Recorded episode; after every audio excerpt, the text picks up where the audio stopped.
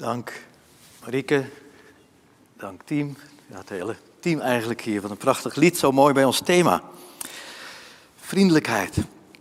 Vanmorgen begin ik met twee waar gebeurde verhalen uit de eerste helft van de vorige eeuw. Ze spelen beide af op een zondag. Het ene is het verhaal in een klein kerkje op de Balkan in Europa. Op een zondagmorgen een nieuwe misdienaar. Voor het eerst mag hij helpen bij de viering van de Eucharistie, van de mis. En hij mag de kelk met wijn, in de traditie het bloed van Christus, mag hij aanreiken. Maar hij struikelt en valt en de wijn die verspeelt zich zeg maar over de vloer bij het altaar. En de pastoor in een eerste reactie, die is woedend. Hij geeft hem een klap op zijn gezicht en zegt, hoe durf je, dit is het bloed van Christus. Ga weg van het altaar en kom nooit meer terug. Niet veel later, in een kerk, in een grotere kerk, in een kathedraal in de Verenigde Staten, in het Midwesten, is er ook een misdienaar. Ook hij helpt die zondagmorgen bij de Eucharistie. En ook hij mag de kelk, de beker met wijn, het bloed van Christus, aanreiken. En ook hij struikelt.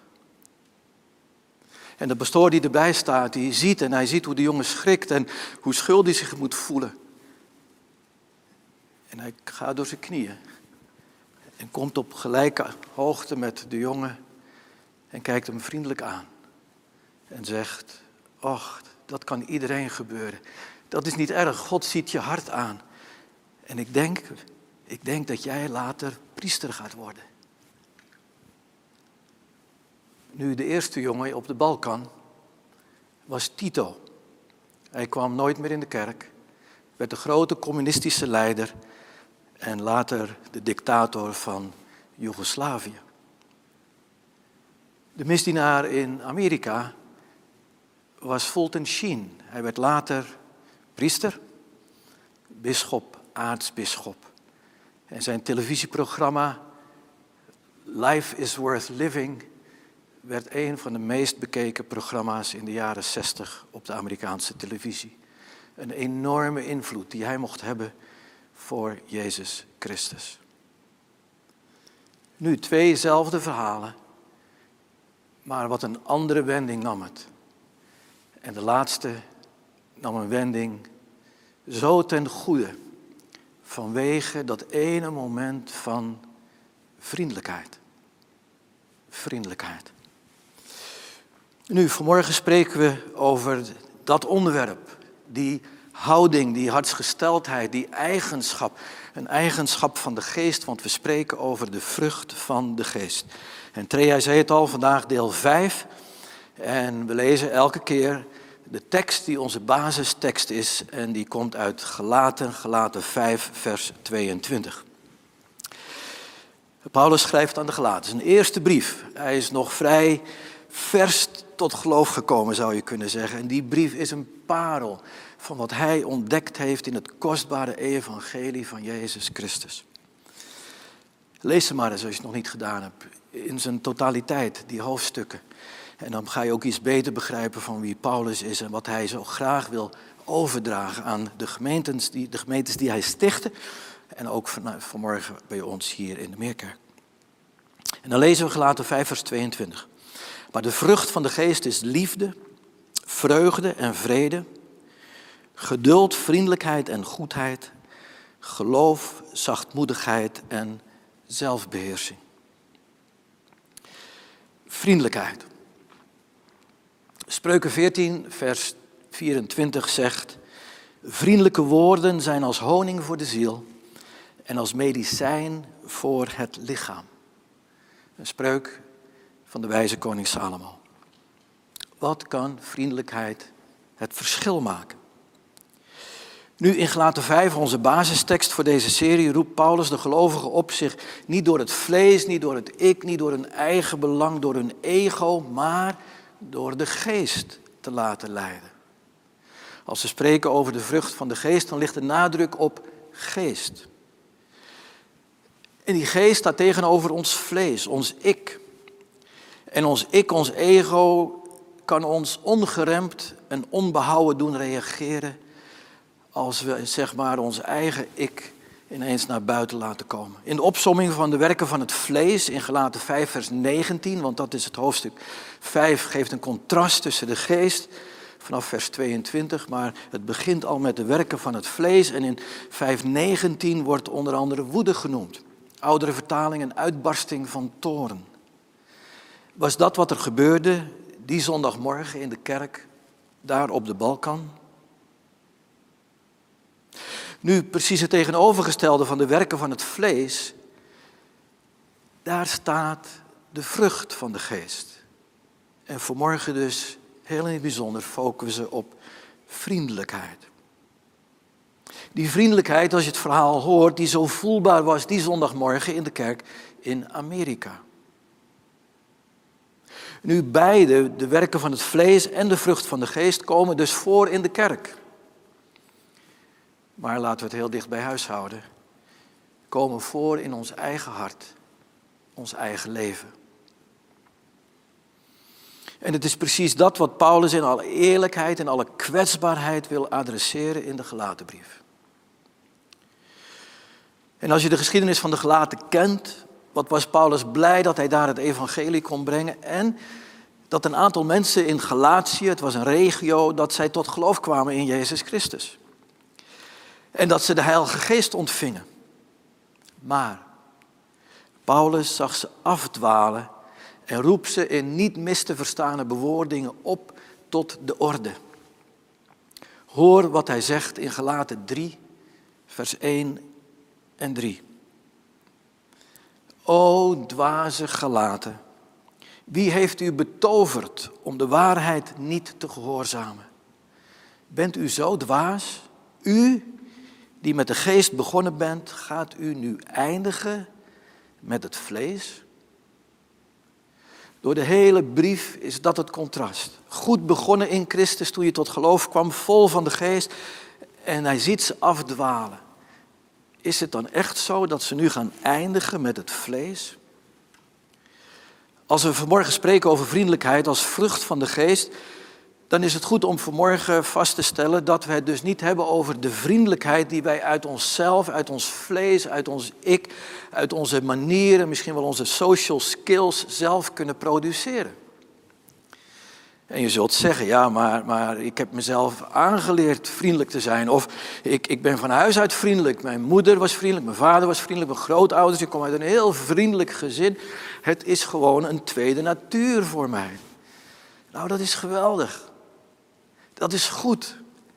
En laten we dat niet afdoen, dat menselijke vriendelijkheid onder elkaar van een lagere orde zou zijn of zelfs niet mee zou tellen. Nee, vriendelijkheid is vriendelijkheid. Maar de Bijbel spreekt, en daar komen we, ook over ongeveinsde vriendelijkheid. Je kunt vriendelijkheid dus ook niet alleen aanleren, je kunt het ook als het ware leren door een ander gezicht te tonen dan werkelijk in je hart je voelt. En daar zijn technieken voor. Uh, wie in een callcenter werkt en soms het, uh, het bloed onder de nagels weggehaald worden door hele kritische en soms niet zulke aardige customers, die worden getraind om vriendelijk te blijven. En, en denk aan afgelopen week geduld. Wij leren onze kinderen tot tien te tellen. Er zijn allerlei technieken om wel dat wat van binnen borrelt en naar buiten wil, om dat toch te beheersen. En zo kun je ook vriendelijkheid leren, aanleren. Of onvriendelijkheid afleren. In ieder geval, op, op, op, op, op, zijn minst kun je zeggen, ik doe mij vriendelijk voor. Oh, ik kook van binnen. Ik kan dit wel of dat wel en ik wou dat ik het eruit kon gooien, midden in zijn gezicht zou kunnen zeggen, maar ik doe het niet, want ik wil vriendelijk zijn en vriendelijk overkomen. Daarom spreekt de Bijbel, ik zei het al, over ongeveinsd. Meen je het of meen je het niet? Is het aangeleerd of oh, is het een sociale skill? Wel geweldig. Hoe meer, hoe beter. Maar vanmorgen spreken we over iets anders. Trouwens, over aangeleerde vriendelijkheid. Ik las pas de geschiedenis van de Bee Gees. De legendarische gebroeders Gibb, die als jonge gastjes vanuit Engeland emigreerden naar Australië, daar popsterren werden en met hun gulle glimlach de wereld veroverden. Andy Gibb, een van de drie broers, vertelde dat hun vader altijd in de coulissen stond en zo deed. Blijkbaar hadden die jongens het niet van nature. Blijkbaar waren ze, gingen ze zo op in hun spel dat ze heel serieus keken en, en alle aandacht nodig hadden om, om te zingen en te spelen. En prachtig in harmonie, ook die mooie harmonie. Wat is het geweldig, die stemmen.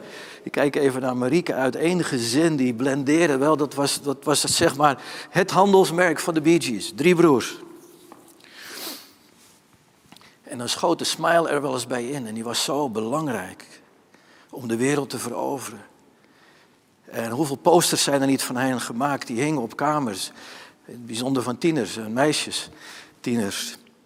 En die smile, en de een was verliefd op die en de ander was verliefd op die. En nee, ik ben op die derde broer.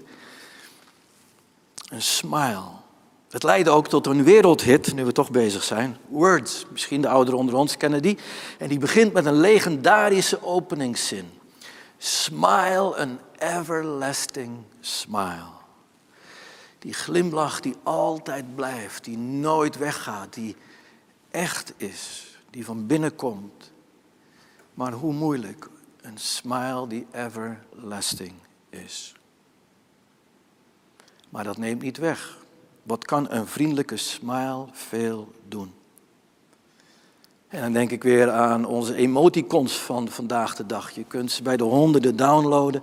Een enorme hit, maar het begon allemaal met ooit een smiley.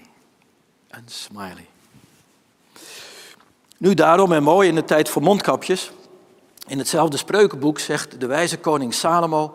Als we het dan niet met ons, onze, mond kunnen laten zien, dan hebben we nog wel onze ogen. Trea zei het al. En dat zei koning Salomo ook in Spreuken 15, vers 30.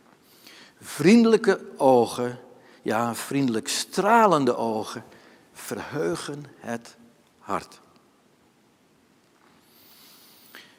Ik moet denken aan een uh, wat hoogbejaarde weduwe, wat ze mij eens vertelde. Ze woonde in onze vorige woonplaats in de straat. Met kerst viel haar verwarming uit en zat ze in de kou. Ze belde een monteur en die kwam direct langs, prachtig. En ze was zo ontzettend blij. Ze deed de deur open en ontving hem met een enorm brede glimlach. Kom binnen, wat ben ik blij dat je er bent. En hij ging aan de slag en het euvel was snel verholpen. En wederom met een enorme smile van dankbaarheid zei ze, oh, ik ben zo blij. U, u, u maakt mijn kerst zo anders. Wat ben ik u verschuldigd? En de monteur antwoordde, niets. Uw brede glimlach heeft mijn dag gemaakt. Ik wil hier niets voor hebben. Dank u wel. U heeft mijn kerst gemaakt. Nu, vriendelijke ogen. Wat kunnen ze als ze stralen ons hart verheugen? Wat kunnen ze veel aan onszelf doen, maar ook aan die anderen? En hier is weer dat Bijbelse principes. Wie laaft, wordt gelaafd. Weer een spreuk van Salomo. Wie geeft, ontvangt. Een woord van de Heer Jezus. Nu, als je dit allemaal opsomt en als vriendelijkheid al in het Oude Testament zo onderstreept wordt, dan zou je kunnen zeggen in het Nieuwe Testament, dan is het voor christenen natuurlijk de eigenschap waarin ze uitblinken, vriendelijkheid. Dat was ook de reden dat we onze ontmoetingsruimte in ons vorige gebouw aan de Eiweg de Friendly Place doopten. Want daar kwamen we samen na de dienst om koffie te drinken. En dan zeiden we, ja, dit, hier borrelt het van vriendelijkheid met en voor elkaar. Want christenen blinken uit in vriendelijkheid. En op de een of andere manier was dat zo vertrouwd en vonden we dat horen bij koffietijd of theetijd, eh, ontmoetingstijd, vriendelijkheid. Wat een vriendelijke gezicht allemaal. Als je hier binnenkomt lopen, dan zeg je, oh, dat is zeker een kerk. Zo dachten we. En zo denken we nog steeds. Het was dan ook heel logisch om die naam gewoon over te nemen hier naar de Bennebroekenweg, naar onze ontmoetingsruimte. En ik hoop dat we vanmorgen allemaal met een bak koffie of thee elkaar gaan ontmoeten met grote vriendelijkheid elkaar tegemoet treden. En wat heerlijk, misschien wel voor sommigen, oh wat had ik dat net nodig. Die vriendelijkheid van jou, die lach, dat gebaar, die ogen, die opmerking. Het voelt zo passend bij de ontmoetingsruimte in een kerk. Een plek van vriendelijkheid van vriendelijke mensen die elkaar ontmoeten. Maar zijn we als christenen ook altijd uitblinkers als het gaat om vriendelijkheid? Wie een avondje gaat internetten op populaire fora van christelijke websites, die moet ontdekken dat dat helaas niet zo is. Ik was al nooit een fan van al die onbeteugelde commentaren die men vanuit een, een, een, kamertje ergens achter een toetsenbord en een scherm de wereld inslingert. Dan denk ik, wat, wat ben je dom om je zo te laten gaan voor het oog van de wereld. Elkaar met bestokend geruzie, gereden twist. Paulus had er ook mee te maken. De een weet het nog beter dan de ander. In de brief van de Galaten ging dat precies ook zo toe. Er waren mensen, en Paulus noemt ze onruststokers. Wat denken we het allemaal vaak beter te weten? En wat is internet? Een zegen, maar soms ook een vloek. En al dat getier op internet, ik kon er op een gegeven moment niet meer tegen. Ik kon het niet meer verdragen. En ik dacht, wat een antireclame voor Christus en zijn heerlijk evangelie. En wat moeten niet-christenen niet denken van deze onvriendelijke manier van elkaar bejegenen? Je zou bijbels kunnen zeggen dat christenen hun onvriendelijk vlees in de etalage stoer etaleren in zogenoemde christelijke fora. Maar dan, het is maar goed dat niemand in de etalage van mijn hart kan kijken. Misschien wat je ziet in het openbaar op het internet, al dat geruzie en gereden twist. Vond ik het niet moeilijk omdat het misschien mijzelf confronteerde met het internet van mijn hart al die verdeelde gedachten, mijn zondig hart waar het zo tekeer kan gaan, waar je hele discussies kan hebben, redetwisting met een ander in je gedachten. Waar je soms denkt, ik wou dat ik hem of haar dat eens eventjes fijntjes kon inpeperen. Wat vriendelijkheid, waar ik in uitblink. Soms is die ver te zoeken als ik kijk in het diepst van mijn eigen hart. En soms komt het er ook uit.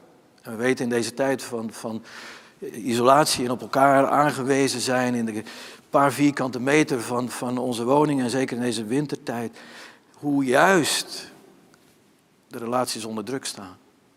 Omdat we soms dingen uitvloepen die we binnen hadden moeten houden.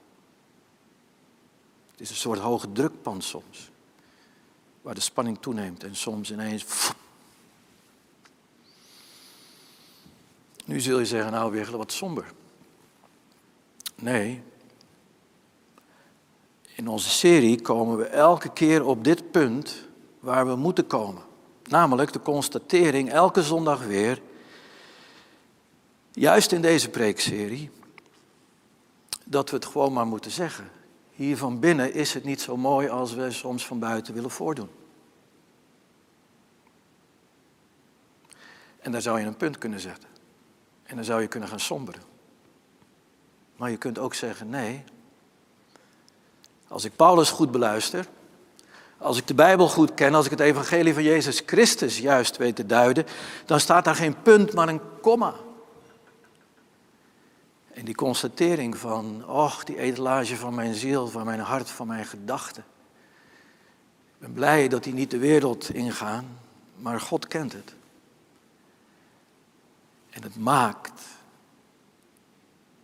dat als ik eerlijk ben, zeg, ik moet het niet van mezelf verwachten.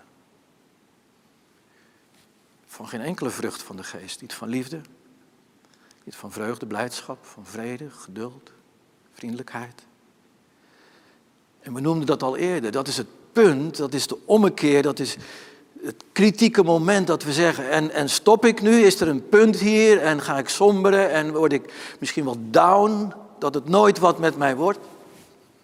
Of staat er die komma die mij doet rennen in de armen van een genade God? Die mij doet vluchten in de armen van de goedheid van God, van de vriendelijkheid van God, van alles wie God is. En dat is precies waar Paulus ons wil hebben. Dat is precies de bekering van Paulus, want als er één was die tot de conclusie kwam dat hij een zondaar was, het had wel even geduurd. Maar in ontmoeting met Jezus Christus ontdekte Paulus zijn eigen tekortkomingen, zijn eigen falen. En dat zou hem later ook doen zeggen dat hij de grootste zondaar onder de broeders is.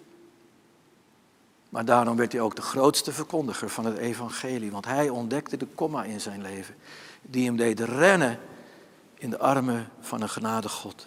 En als Paulus dan spreekt over vriendelijkheid, dan spreekt hij ons aan op ons falen om ons vervolgens te doen vluchten in die armen van God die hij hier noemt de Heilige Geest. Want het is de vrucht van de Heilige Geest. Maar we hebben het al eerder geconstateerd. Het begon natuurlijk met onze gelijkenis van ehm, eh, de wijnstok.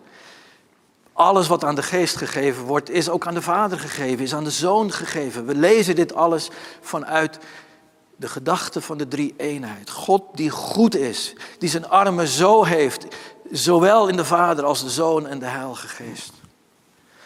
Maar het is natuurlijk heel tastbaar geworden in onze Heer Jezus Christus, die mens geworden is en zo hing aan het kruis. Als jij komt tot het punt van constatering dat het bij jou van binnen niet zo goed is als je het van buiten zou willen laten lijken. Ik hang hier voor jou. Kom tot mij. En dan zegt de schrift dat God in zijn vriendelijkheid in Jezus Christus tot het einde toe getoond heeft. Zijn goedheid. Zijn volkomen goedheid voor u, voor jou, voor mij. Wij die zijn goedheid, zijn vriendelijkheid, zijn trouw, zijn genade, zijn liefde, zijn alles niet verdienden. Nou, om dit goede en verlossende nieuws beter te begrijpen, want dit is het evangelie waar Paulus het over heeft, waarom die zo ontzettend uit zijn dak gaat, want dat doet hij naar de gelaten toe. Hij noemt ze dwaas, hij noemt ze onverstandig, hij noemt hoe is het mogelijk. En degene die veroorzaken dat het evangelie uitgehold wordt, noemt hij onruststokers. Dus Paulus is wat dat betreft geen lievertje. Soms is de waarheid best pittig. Zeker naar de gelaten toe, want het raakt de essentie van het geloof. Nu, om dit goede en verlossende, goede nieuws van het evangelie beter te begrijpen, moeten we kijken naar het woord dat Paulus in Gelaten 5 gebruikt voor ons Nederlandse woord vriendelijkheid. Um, even een studie voor degenen die dat uh, waarderen en ik hoop dat iedereen dat waardeert. Het is niet zo ingewikkeld. Dat woord vriendelijkheid in, in onze Bijbel is in het originele Grieks van het Nieuwe Testament het woord Christotes. Christotes. Als je dat gaat bestuderen, dan kom je het woord in de Bijbel vooral tegen niet van mensen in hun onderlinge vriendelijkheid naar elkaar, maar vooral in de vriendelijkheid en de goedheid van God zelf, die Hij toont aan ons zondige, falende mensen. Christotes is Gods diep gewortelde goedheid. Een oudere vertaling spreekt, en, en de ouderen onder ons zullen dat woord herkennen, Gods goedertierenheid. Dat is echt zo'n woord wat niet veel meer gebruikt wordt. En waar het vroeger gebruikt wordt, werd dat bijna altijd gebruikt voor God alleen. Dat is dat woord, Christotes. Ik heb in de preek door de week plus een paar bijbelteksten genoemd. Uh, vanmiddag krijg je die in je mailbox waarin het woord Christotes voorkomt. Uh, bijvoorbeeld in Romeinen 11 en 2 Korinthe 6. En dan zie je welk een diep woord dit is en hoeveel in dit woord schuil gaat aan het karakter van God in de manier waarop hij ons tegemoet treedt, wij zondige mensen. En elke keer als er over Gods Christotes gesproken wordt, is het een getuigenis van Gods goedheid, van zijn vriendelijkheid. In het bijzonder vlees en bloed geworden in onze Heer Jezus Christus. Het was zijn vriendelijkheid die Jezus naar de aarde deed komen met kerst. Het was de vriendelijkheid van de drie eenheid die besloot dat de mens opgezocht moet worden door een goed God in Jezus Christus. God die mens werd. Dus samengevat, het was zijn goedheid die ons opzocht in onze zonde en gevallenheid. Het was zijn goedheid die ons zijn onverdiende genade en redding bracht. Sterker, we verdienden door het schenden van Gods heiligheid, door onze zonde. Wij verdienden het tegenovergestelde van Gods goedheid en vriendelijkheid. We verdienden, een Bijbels woord, Gods toren. Nou, denk nog even aan het verhaal op de Balkan. Vanuit Gods heiligheid lijkt het ook enigszins begrijpelijk hoe die pastoor op de Balkan reageerde. Want, realiseer je waar dat plaatsvond. Dat vond plaats bij het altaar. Je zou bijna kunnen zeggen het heilige der heiligen in de kerk. Daarom was het voor deze pastoor blijkbaar ook heiligschennis dat de geheiligde wijn, het bloed van Christus, in die geheiligde Eucharistie op de grond terecht kwam. En bedenk, maar het wonder van het evangelie van Jezus Christus is nu precies dat onze heilige God in Jezus Christus niet op zijn strepen staat. Wij hebben God ontheiligd door onze zonde. Maar God zegt, ik ga niet op mijn strepen staan. Ik wil die zonde op me nemen. Ik wil mijzelf ontheiligen door de dood aan een kruis. Want vervloekt is degene die hangt aan een kruis, zegt de schrift. Juist in Christus bloed, aan het kruis, komt God ons in zijn goedheid, zijn Christotus, tegemoet. In zijn goede tierenheid nam hij het kruis, de dood op zich, die wij verdienden. Ja, precies in Christus lijden, sterven en opstanding toonde God zijn volkomen vrijwillige goedheid en vriendelijkheid. En weet je, de pastoor in Amerika begreep dat. Sterker nog, die was gegrepen door die goedheid. En hij mocht door de Heilige Geest als vrucht getuigenis afleggen van de kern van het evangelie. Getuigenis door zijn vriendelijke reactie naar de misdienaar, die zo geschrokken was, zich zo schuldig voelen. Maar nog veel meer door daardoor de Heilige Geest een profetie uit te spreken. Jij wordt priester. Want wat hier gebeurt, is het evangelie. Wij die het altaar van God, wij die Gods heiligheid geschonden hebben door onze zonde, deed ons niet weggestuurd worden, maar Jezus zei, ik zoek jullie op en ik neem je plaats. Ik zal mij ontheiligen. Ik zal jouw zonde op me nemen. En zo mogen we leren van het woord Christotus dat vriendelijkheid, en dat geldt trouwens voor elke vrucht van de geest, geen andere grond heeft. Geen andere tuin heeft waar het in kan groeien. Dan in wat er gebeurde in dat wonderlijke evangelie van Jezus lijden, sterven en opstanding. Nu, als je dit gaat begrijpen, dan lees je het door de hele Bijbel heen. En het is precies dit wat Paulus ook voorhoudt aan bijvoorbeeld Titus, om de gelovigen op Kreta, om hen daarvan te doordringen, ja, op het hart te drukken. Dit is het evangelie. En alles wat niet Jezus en Jezus alleen is, is een dwaling. En het was precies waarom Titus daar in Kreta achtergelaten werd. Om de jonge kerk te behoeden van afdwalen. Ook zij waren, net als de gelaten, in de geest begonnen maar dreigde af te dwalen naar het vlees met alle gevolgen van dien. Nu hoor hoe Paulus in de brief aan Titus een wat andere opsomming gebruikt voor de vrucht van de geest. Maar hoe mooi voor ons vanmorgen, vriendelijkheid staat ook in deze opsomming. En hoor hoe hij deze opsomming van eigenschappen verankert in de grond van Jezus lijden, sterven, opstanding. Ver, uh, gegrond heeft in het kostbare evangelie. De enige grond voor de vrucht van de geest. Treja gaat het met ons lezen. Titus 3, vers 1 tot 8.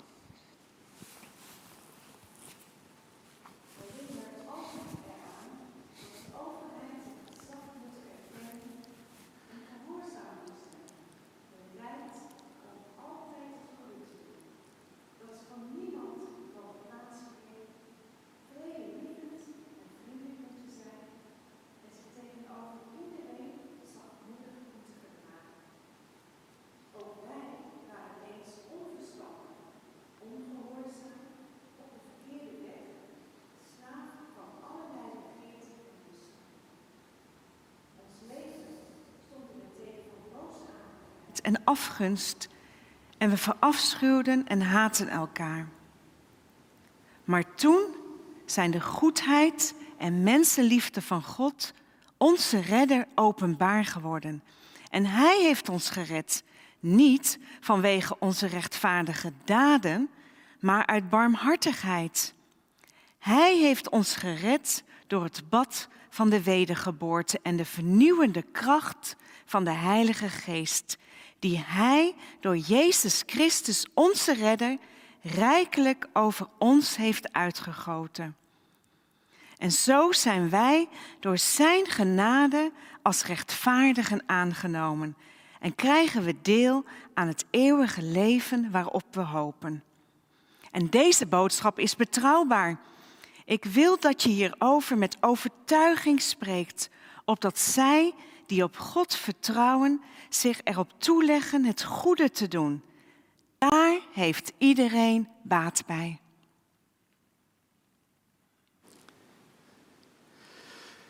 Ken je gelaten vijf in deze woorden? Als er over goedheid gesproken wordt, hetzelfde woord, grostetos. Hier eerst eigenschappen van de vrucht van de geest genoemd en daarna de opsomming van oude eh, gewoontes, oude leven, oude natuur in de werken van het vlees. En wat is de grond voor de ommekeer? Hoe gingen ze van de werken van het vlees naar de vrucht van de geest? Eén reden. Eén reden, één grond. Jezus en Jezus alleen. In hem, zegt Paulus tegen Titus, is die goedheid en mensenliefde van God, onze redder, openbaar geworden. Goedheid, grostetos, mensenliefde, filantropia. Dat is onze God. We zien hier opnieuw dat wat we elke dag en elke week zagen in de serie, in een preek door de week en alles wat we proberen aan te dragen deze weken. Afgelopen zondag geduldig zijn, er is maar één grond. Geduldig naar een ander, omdat God in Christus geduldig is geweest naar mij. Deze zondag vriendelijkheid, geen andere grond om vriendelijk te zijn naar een ander. Alleen omdat God in Christus vriendelijk is geweest naar mij. Paulus kan het ook zeggen tegen ons gelovigen vanmorgen. Hetzelfde als Titus, hetzelfde als de gelaten. Wat ik je vraag of opdraag, meer kerk. Vraag en opdracht in het vriendelijk zijn doe ik alleen en kan ik alleen doen met een beroep op Christus en Christus alleen. En zo hoor je hem bijvoorbeeld in 2 Korinthe 10 vers 1 zeggen. Maar ik, Paulus, doe een beroep op u bij de zachtmoedigheid en vriendelijkheid van Christus.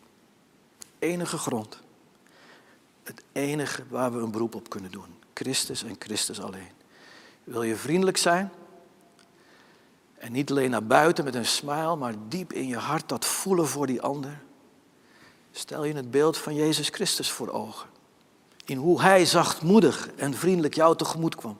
Hoe hij aan het kruis hing en jou met zijn vriendelijke ogen, dwars door de pijn en de tranen en het lijden heen aankeek. En zei, het is volbracht ook voor jou. Christus is onze enige grond. Christus is onze enige grond. Twee weken geleden keken we bij de vrucht van vrede naar het bekende Filippenzen 4 en daar wil ik mee eindigen. We leerden daar het belang van het woordje daarom, weet je nog? Die bekende tekst, de Heere is nabij, daarom wees niet bezorgd. Ik zou dat woordje daarom weer opnieuw willen gebruiken. Wederom in Filippenzen 4. En het toevoegen aan vers 5. Filippenzen 4, vers 4 en 5 leest zo. Verblijd u in de Heer te alle tijden. Wederom zal ik zeggen, verblijd u, uw vriendelijkheid zij alle mensen bekend. Maar hoeveel duidelijker wordt het als we de grond van onze vriendelijkheid kennen, buiten onszelf, door dat woordje daarom toe te voegen. Dan leest deze bekende tekst zo. Verblijd u in de Heer te alle tijden. Wederom zal ik zeggen, verblijd u. Daarom, uw vriendelijkheid zij alle mensen bekend. Als je je verblijdt in de Heer, als je de Heer voor ogen stelt, als je realiseert wat Hij allemaal voor je gedaan heeft. Anders gezegd, blij ben in de Heer, in alles wie Hij is, alles wie de drie eenheid is. Dan kan het niet anders dan dat je vriendelijk bent. Als je Hem in je hart gesloten hebt en Hem op je netvlies hebt, het beeld van Zijn vriendelijkheid naar jou. En dat geldt voor ons allemaal. Vriendelijkheid ook naar mij. Zullen we samen bidden. Heren, we willen u danken dat de goedheid en mensenliefde van u, Heer Jezus, tot ons gekomen is. De goedheid, de vriendelijkheid.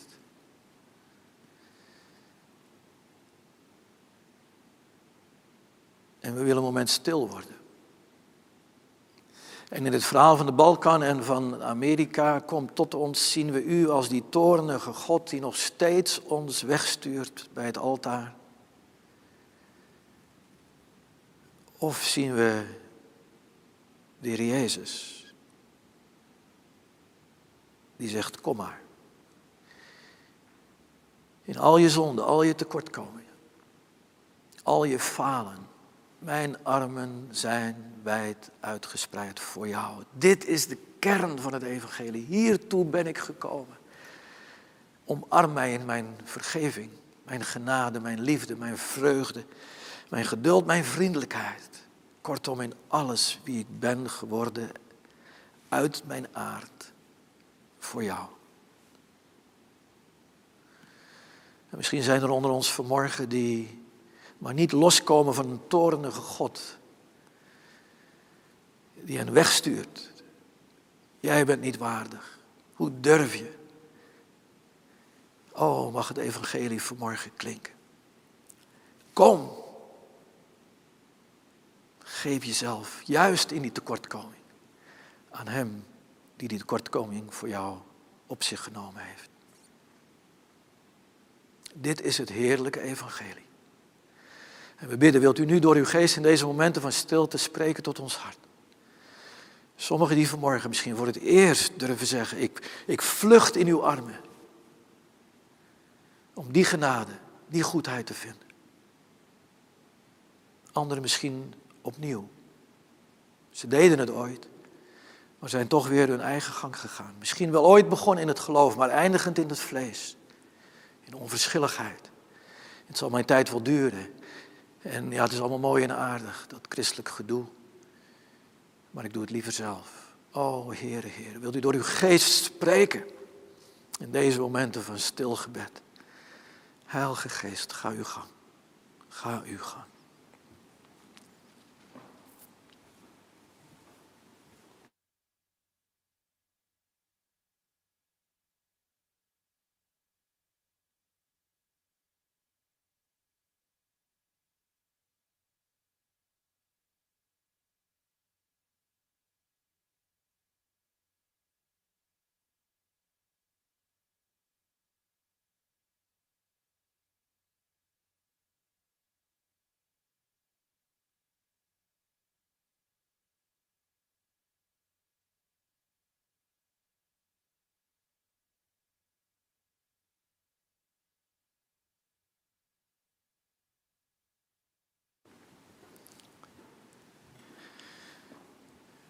Dank u wel, heren, voor die goedheid, voor die vriendelijkheid.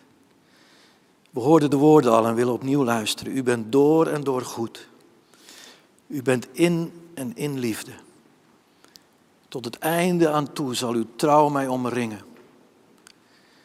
En dan zegt het tweede couplet, we hebben het gehoord, uw hart vol vriendelijkheid maakt dat mijn ziel beleidt. U alleen verdient al mijn aanbidding. Dat is het kostbare evangelie. Dat is onze enige grond. Amen. Fijn dat je hebt geluisterd. Voor meer informatie ga naar www.meerkerk.nl.